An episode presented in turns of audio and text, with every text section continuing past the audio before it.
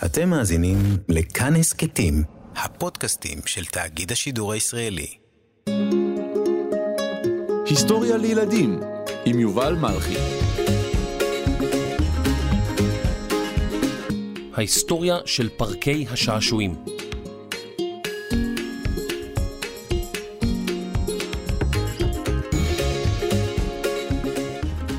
הבא לבוא ללונה פארק, נרכב על הסוס הלבן. הבא לבוא ללונה פארק, תהיה גם אתה חבר'ה... אוי, שלום, שלום ילדים. בדיוק שרתי לעצמי, אה, אה, לא משנה. בעצם, הייתם פעם בלונה פארק? אתם יודעים, בפארק שעשועים? פארק גדול עם מתקנים רבים, למשל רכבת הרים, גלגל ענק, קרוסלה. היום אני רוצה לספר לכם איך כל זה התחיל. ניסע בין מדינות שונות בתקופות שונות, ונגלה איך צמחו פארקי השעשועים שאנחנו מכירים היום. מוכנים לנסיעה? זאת תהיה נסיעה מטלטלת כמו קרוסלה. סתם, סתם, כמו רכבת הרים.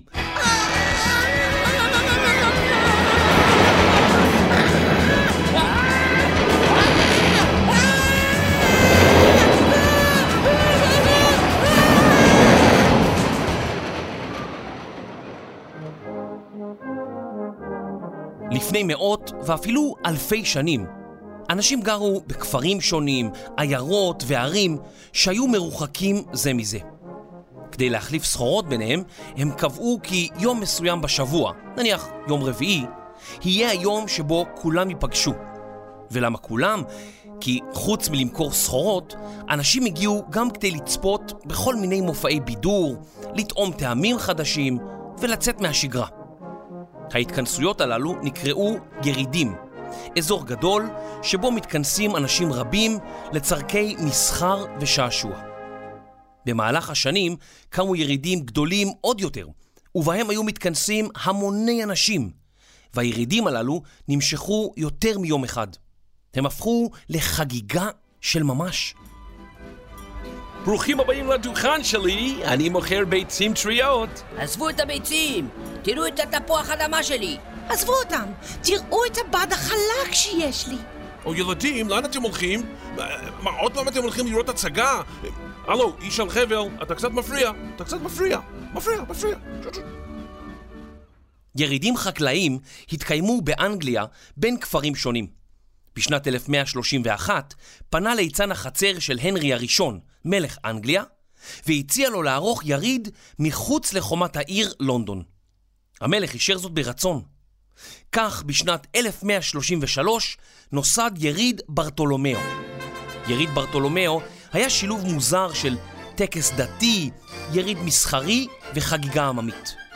כשנערך לראשונה הוא נמשך שלושה ימים. עם השנים החגיגות הלכו והתמשכו עד שבשיאו נמשך היריד שבועיים עד שלושה. זה היה היריד הפופולרי ביותר באירופה של ימי הביניים. במרכז יריד ברטולומיאו הוקמו דוכנים לסחר בבדים, בכובעים, בצעצועים ועוד. בהיקף, או בסביבת היריד, הוקמו דוכנים נוספים ובמות לצורכי בידור. ילדים יכלו לצפות למשל בתיאטרון בובות באחד הדוכנים, והמבוגרים יכלו לצפות בהופעה של לוליינים ושחקנים בבמה הסמוכה. עם השנים, הקהל הרב שפקד את היריד בילה את זמנו בבידור ופחות במסחר, והיריד סיפק מקום מצוין לבחון המצאות חדשות שנועדו לבדר את הקהל. בשנת 1825 ביקר עיתונאי ביריד ודיווח על משהו שלא ראה מעודו. מתקן עצום מימדים, עמוד שתומך בעיגול עץ שממנו תלויות נדנדות. באי היריד השתעשעו מהמתקן שנראה היה כאילו הוא מסתובב בתנועה אינסופית. חלק מהאנשים שירדו מהמתקן חשו סחרחורת. באותו היריד היה מתקן נוסף, מין גלגל גדול עם ארבעה ארגזי עץ. בכל סיבוב של הגלגל, אחד מארגזי העץ היה מגיע לראש המתקן, והנוסעים נהנו ממבט נדיר על היריד מלמעלה. איזה יופי! תראה את היריד מלמטה, מלמעלה, למטה. מה מה זה? מה זה? למטה, למעלה, למטה, למעלה. אוי, אני שונא את הגלגל הקטן הזה. זה כזה גלגל קטן, אתה עולה יורד, עולה, זה, זה לא שווה שום דבר. אנשים לא ידעו בכלל מה זה, הם, הם יעיפו את זה לכל הרוחות, זה שטויות, הגלגל הקטן הזה. מקום נוסף שנחשב לפארק שעשועים מוקדם היו גני ווקסהול בלונדון. בתחילה היו הגנים מקום שבו עשירי העיר נהנו מפרחים או ממזרקות, אך עד מהרה החלו לצוץ במקום אטרקציות שמשכו המונים. לוליינים והולכים על חבל, בלונים פורחים, זיקוקים ובעלי חיים מאולפים שרקדו לעיני הצופים. באמצע המאה ה-19, לפני כ-150 שנה, פינו הגנים והירידים את מקומם לתערוכות עולמיות, אירועי ענק בינלאומיים שהתקיימו מדי כמה שנים. כל זה קרה לפני עידן הרשתות החברתיות, ולכן אם חברה רצתה לספר לעולם מה היא עושה או מייצרת, היא השתתפה בתערוכות העולמיות הללו. לכל תערוכה עולמית הגיעו מאות אלפים ואפילו מיליוני מבקרים. לקראת התערוכה העולמית שתוכננה להתקיים בשיקגו, בארצות הברית, בשנת 1893, הוטלה לאדריכל דניאל ברנהם משימה חשובה. זו הייתה אמורה להיות התערוכה העולמית המפוארת ביותר שהתקיימה אי פעם בארצות הברית. היא נועדה להציג לעולם את המדינה שכולם קראו לה אמריקה כמדינה מתועסת ומתקדמת, ואת האמריקנים כבעלי כושר המצאה. ממציאים רבים הוזמנו להציג בתערוכה את המצאותיהם, וגם אדריכל התערוכה, דניאל ברנהם, נדרש להציג חידושים משלו. לכבוד התערוכה העולמית הקודמת, שהתקיימה בפריס, בירת צרפת, הוקם בשטח התערוכה מגדל פלדה, שתוכנן על ידי האדריכל והמהנדס גוסטב אייפל. רוצים לנחש איך קראו למגדל? אה, אתם יודעים את זה? אוקיי. מגדל אייפל. נכון, נכון מאוד. אבל מה יהיה בתערוכת שיקגו? ברנהם דחק בקבוצה של מהנדסים שאיתם עבד. תכננתם עשרות, מאות, אלפי מבנים לכבוד התערוכה העולמית של שיקגו. אנו זקוקים למבנה אחד נוסף, שיהיה חדש, מקורי, נועז וייחודי. הוא רצה מבנה שיפאר את שטח התערוכה, והתחרה בהישג המדהים של מגדל אייפל. למהנדס אחד הייתה תשובה. אני יודע איך נביס את מגדל אייפל, חשב לעצמו המהנדס G.W.G. פריס. רק בן 33, פריס עמד להמציא מתקן חדש, בשאיפה שיהפוך לסמל בזכות עצמו. למען האמת, המתקן הזה כבר היה קיים, אבל במודל קטן מאוד. כבר בשנת 1620 דיווח נוסע שביקר באזור בולגריה של ימינו, כי יש למקומיים מתקן דמוי גלגל ועליו כיסאות. ילדים נקשרו לכיסאות הללו, ובריון מקומי סובב ידית שסובבה גלגל, ואז המתקן כולו הסתובב. למרות שהילדים היו פעם למעלה ופעם למטה, כתב אותו נוסע, הם תמיד נשארו יישובים.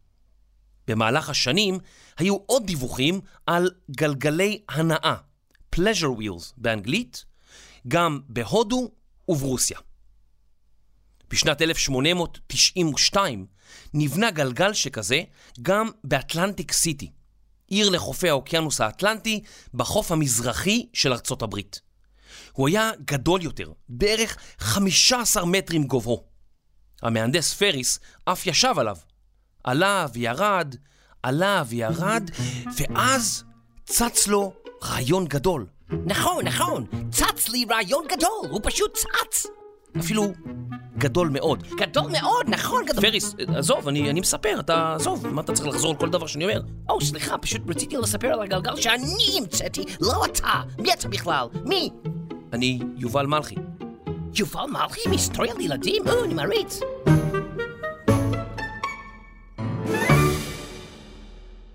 פריס רצה לבנות גלגל ענק, אבל באמת ענק. הוא תכנן תוכניות, חישב את כמות הפלדה הדרושה, וזמן קצר לפני פתיחת התערוכה העולמית בשיקגו, עמד המתקן על מקומו.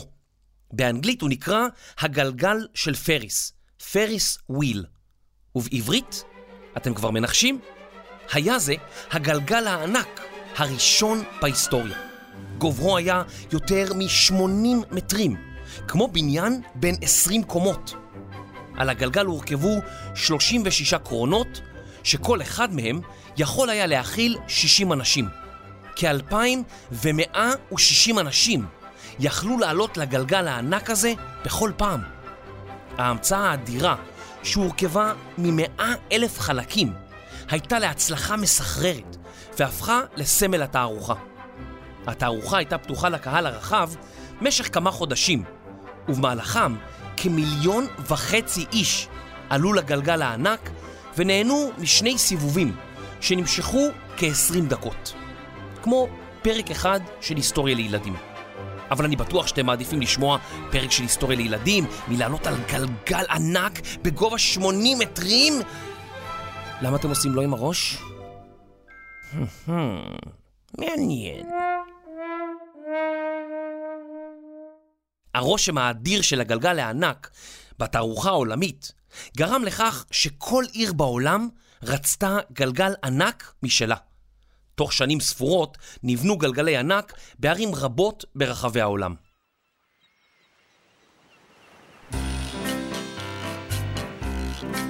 בדרום העיר ניו יורק, לחופי האוקיינוס האטלנטי, שוכן חצי אי שנקרא האי קוני, או כפי שאומרים באנגלית, קוני איילנד. אנשים רבים נהגו להגיע לחוף הים באי בעזרת מעבורת או רכבת.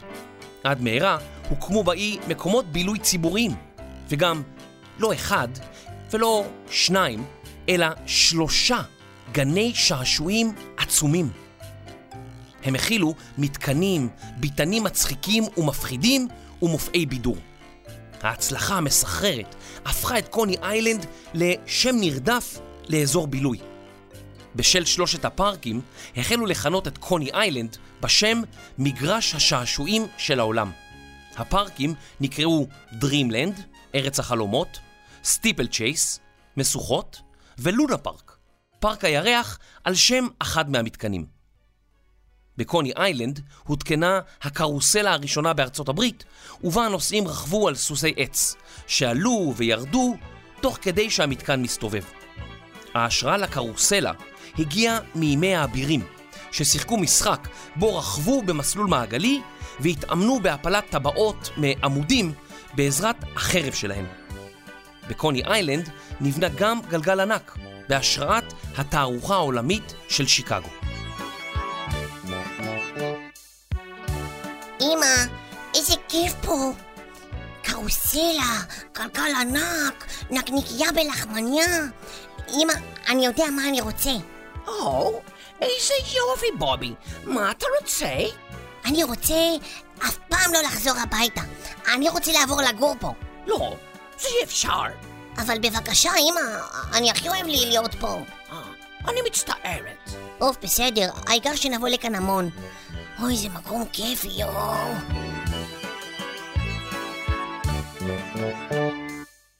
בקוני איילנד היו גם רכבות שעשוע, שנסעו באיטיות לאורך קו החוף. אבל אלפי המבקרים שפקדו את המקום חיפשו ריגושים חדשים. כמה מהמהנדסים נרתמו למשימה והתחילו לחשוב על מסלולים מרגשים יותר. הם נזכרו בהרים הרוסיים. בעיר פטרבורג שברוסיה נבנו כבר במאה ה-17, שמסתיימת בשנת 1700, מגלשות ענקיות בגובה של 20 מטרים ויותר על גבי משטח קרח. אנשים עלו לראש המגלשה עם מזחלותיהם בעזרת סולם, ומהמגלשה הם החליקו במהירות אדירה ישר למשטח הקרח. המתקן נקרא הערים הרוסיים, ועד היום פארקי שעשועים רבים ברחבי העולם נקראים כך. ברוסיה, לעומת זאת, פארק שעשועים נקרא ברוסית הערים האמריקניים. איזה עולם מצחיק. את רכבות הערים הראשונות בנו למעשה בצרפת. בתחילה הם היו קרונות קטנים שחוברו למסילה ונסעו במהירות בירידה. בשנת 1846 נבנתה רכבת הרים בעלת טבעת. הרכבת ירדה 13 מטרים במהירות, עברה דרך טבעת וחזרה למקומה.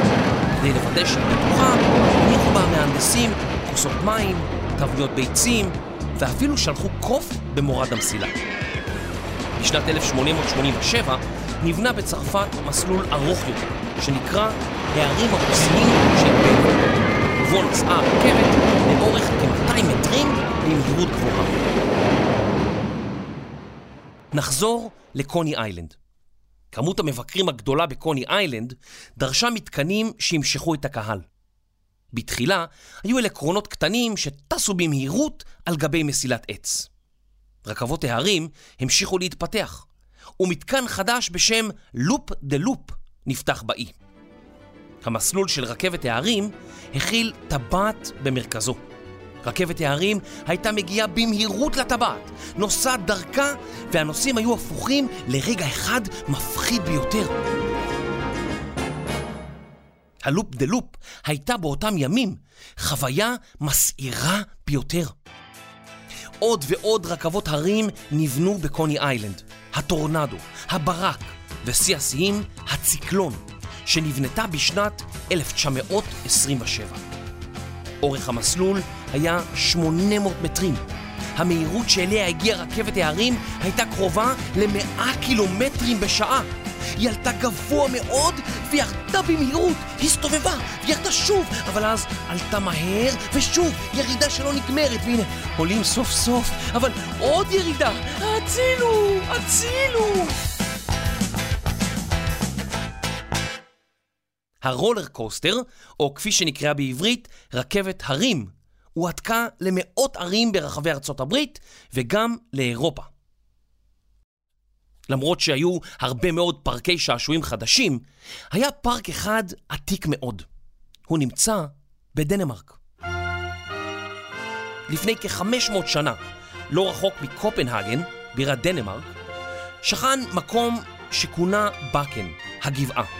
המקום היה שייך למלך, אך ברבות השנים נאלץ מלך דנמרק לפתוח את הבקן לקהל הרחב. הנוף הפסטורלי התמלא באנשים וגם באוהלים של אנשים שרצו להופיע בפני קהל. האוהלים התחלפו במבני קבע, ובשנת 1932 הגיע אל הבקן מתקן חדש, רכבת הרים מעץ. למרות שהיום כבר לא בונים מתקנים כאלו מעץ, אלא מפלדה, רכבת ההרים בבקן עודנה פעילה, והפארק נחשב לפארק השעשועים הוותיק ביותר בעולם. מקומות רבים בעולם החלו להיענות לדרישת הקהל, ופארקי שעשועים נפתחו בכל רחבי העולם.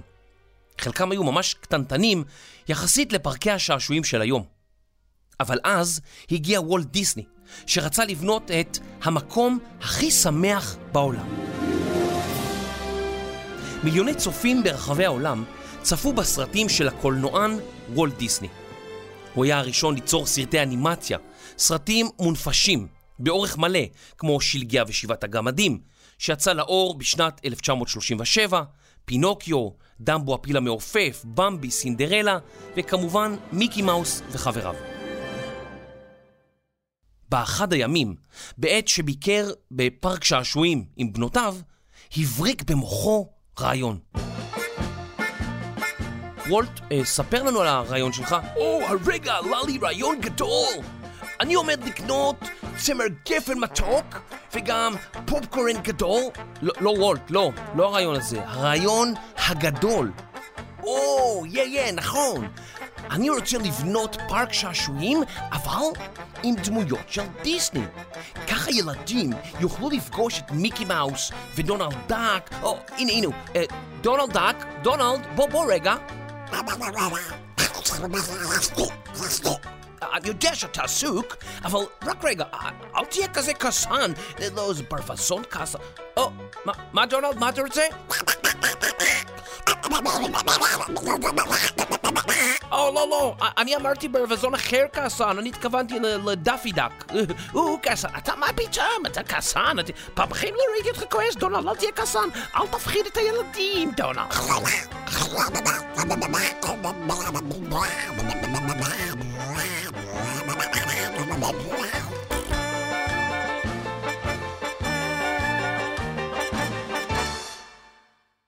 דיסני רצה להוציא מהסרטים את הדמויות שיצר ולהביאן אל הקהל. הוא רצה שאנשים, ובעיקר ילדים, יוכלו לא רק לצפות בהן, אלא גם ממש לפגוש אותן, פנים אל פנים. בעיני רוחו, וולט דיסני דמיין מקום שיעלה חיוך על פניהם של ילדים ומבוגרים, ויחשב למקום הכי שמח בעולם. בשנת 1955 נפתח פארק השעשועים הארץ של דיסני, ובאנגלית דיסנילנד. זה היה אחד מפארקי השעשועים הראשונים, שאותם אנחנו מכנים פארק נושא, או באנגלית Theme Park. כלומר, הם כוללים מתקנים שכולם מעוצבים באותו נושא. בדיסנילנד, רבים מהמתקנים מתייחסים לסרטים שהופקו על ידי חברת דיסני. וברחבי הפארק מסתובבים במבי, סימבה, אלזה, טינקרבל, אולף, שלגיה, בלו, מיקי מאוס. או, רגע, הנה היפיפייה נרדמת. אה, סליחה, היפיפייה נרדמת, אני רוצה לעשות איתך פלסי. הנה עם הטלפון שלי, אני אעשה איתך פלסי רגע. בואי, אה... היא שוכבת פה, לא זזה. אה, היפיפייה, אני רוצה לעשות איתך פלסי אחד רק וללכת.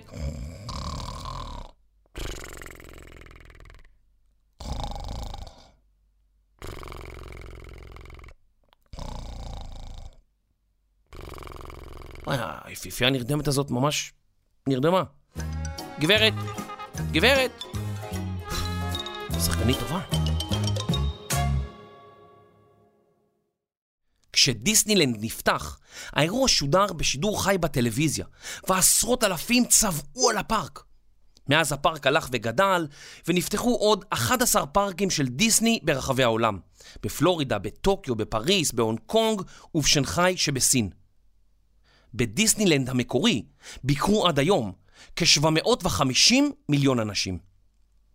אתם זוכרים שאחד הפארקים בקוני איילנד שבניו יורק נקרא פארק הירח או לונה פארק? זה השם שהפך לשם נרדף לפארק שעשועים בעברית. בשנות ה-20, לפני כמאה שנה, נערך בארץ יריד שנקרא יריד המזרח הקרוב. בשנת 1926 פורסמה הידיעה הבאה בעיתון הארץ. אמש ביקר קהל גדול ביריד. רבים מן המבקרים קנו חפצים. בחלק מגן התערוכה נערך לונה פארק בזעיר אנפין, או בקטנה. מלבד החיות והעופות הובא גם אקווריום קטן. נערכו כמו כן כל מיני משחקים שהזוכה בהם יכול לקבל חפצים שונים מתוצרת הארץ, יין כרמל, מיני מתיקה מבית החרושת של נועם ועוד. לונה פארק זה יישאר כבר בקביעות בגן זה גם אחרי התערוכה, ומעט מעט ירחיבו ויגדילו אותו. אז הלונה פארק הזה לא נשאר, אבל פארק השעשועים הקבוע הראשון במדינה הוקם ביפו, ונקרא לונה פארק.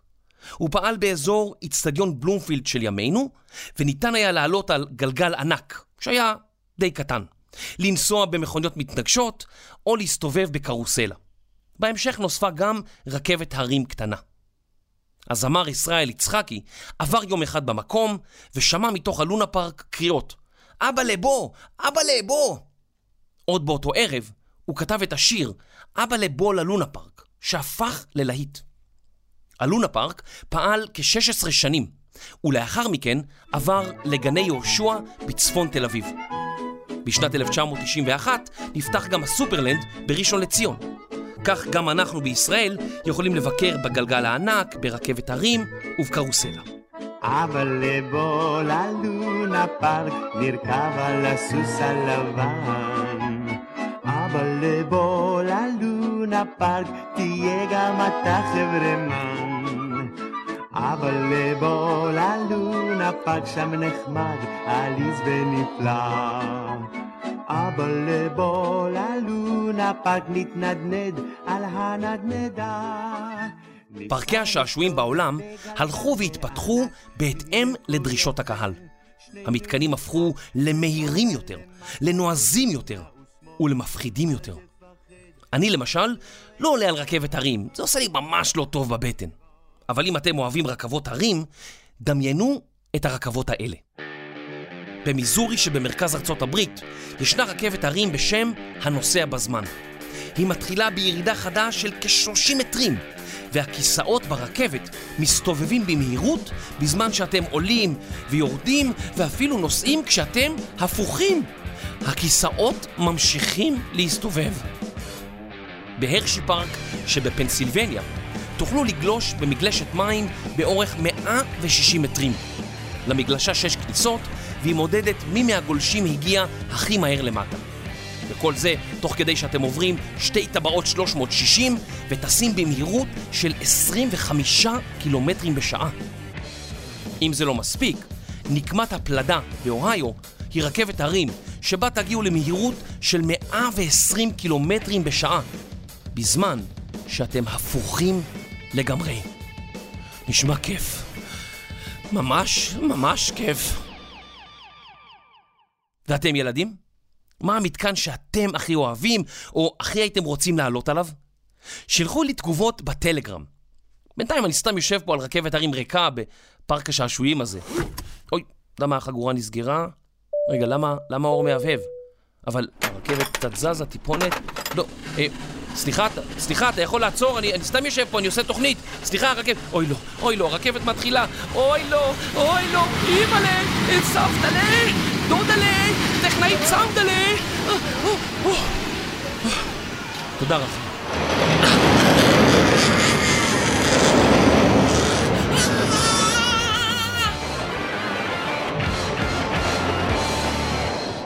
זה די מפחיד.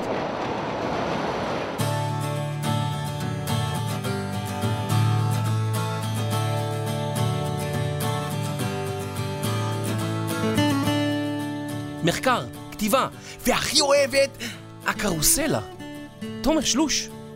עריכה, קריינות, קולות של דונלדק ופוחד מרכבת הרים, יובל מלכי. עריכת תוכן ולשון, עם תחפושת של מיני מאוס, דינה בר מנחם.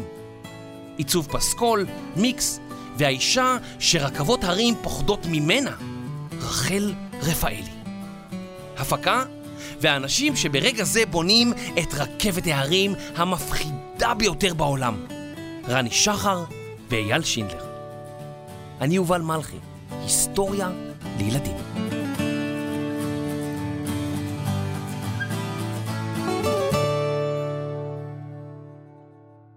ילדים והורים יקרים, אם אתם אוהבים את ההסכת היסטוריה לילדים, נשמח שתעזרו לנו. דרגו אותנו בכל חנויות האפליקציות, ברשימת הפודקאסטים של אפל, בספוטיפיי ובכל מקום שאתם יכולים לדרג אותנו. רוצים לדבר איתנו? כנסו לקבוצת הטלגרם שלנו, היסטוריה לילדים. רשמו לנו מה חשבתם, העירו לנו הערות, שילחו לנו הצעות לפרקים, ותוכלו להתעדכן בפרקים חדשים ובאירועים קרובים. תודה רבה.